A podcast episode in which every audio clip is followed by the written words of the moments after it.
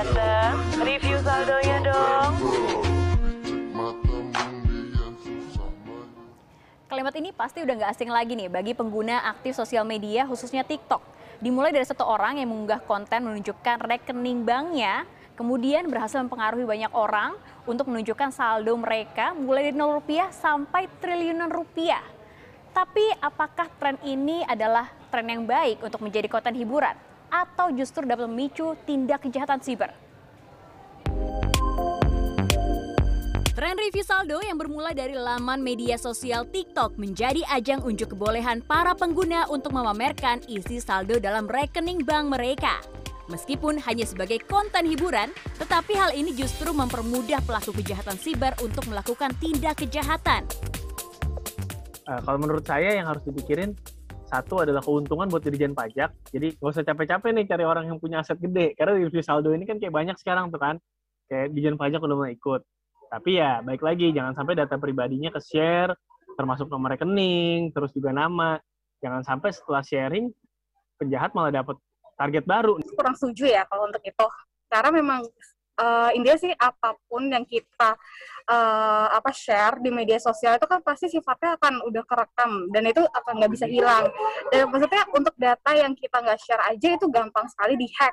Gimana data yang benar-benar kita publish? Sah-sah saja dilakukan tapi mengingat kondisi saat ini di mana banyak yang kita tahu banyak orang-orang susah juga uh, jadi kalau dilakukan oleh influencer uh, sepertinya hal itu kurang bijak untuk dilakukan pada saat seperti ini jika informasi yang dipamerkan cukup lengkap, mulai dari nama bank, nomor rekening, saldo, dan nama lengkap, maka pengunggah konten dapat menjadi target empuk pelaku kejahatan siber.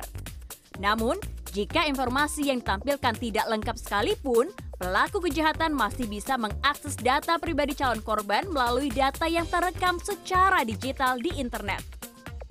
Apa pelaku itu belum tentu perlu nomor rekening korban, tapi minimal dia tahu korban namanya siapa, nama lengkapnya siapa, nanti dicari data-data pribadi yang pernah bocor di di kasus-kasus kebocoran data sebelumnya, lalu uh, dicari nomor kontaknya lewat media sosial dan lain-lain. Nah, pelaku bisa approach korban pura-pura menelepon melakukan teknik social engineering dengan uh, ber, berkomunikasi pura-pura sebagai pihak bank tersebut lalu diproses dengan teknik-teknik lanjutannya.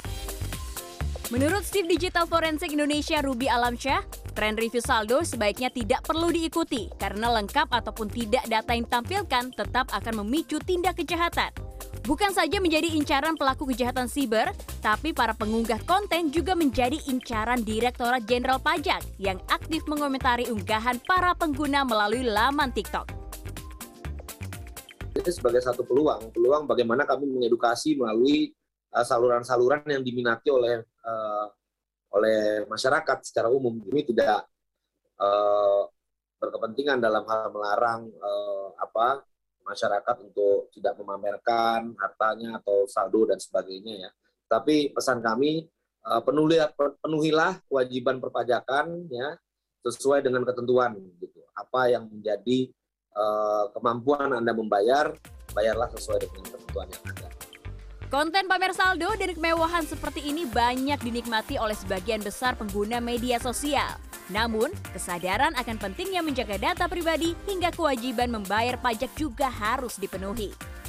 Vinanda Rahma, akun Coro, Jakarta. Ganteng.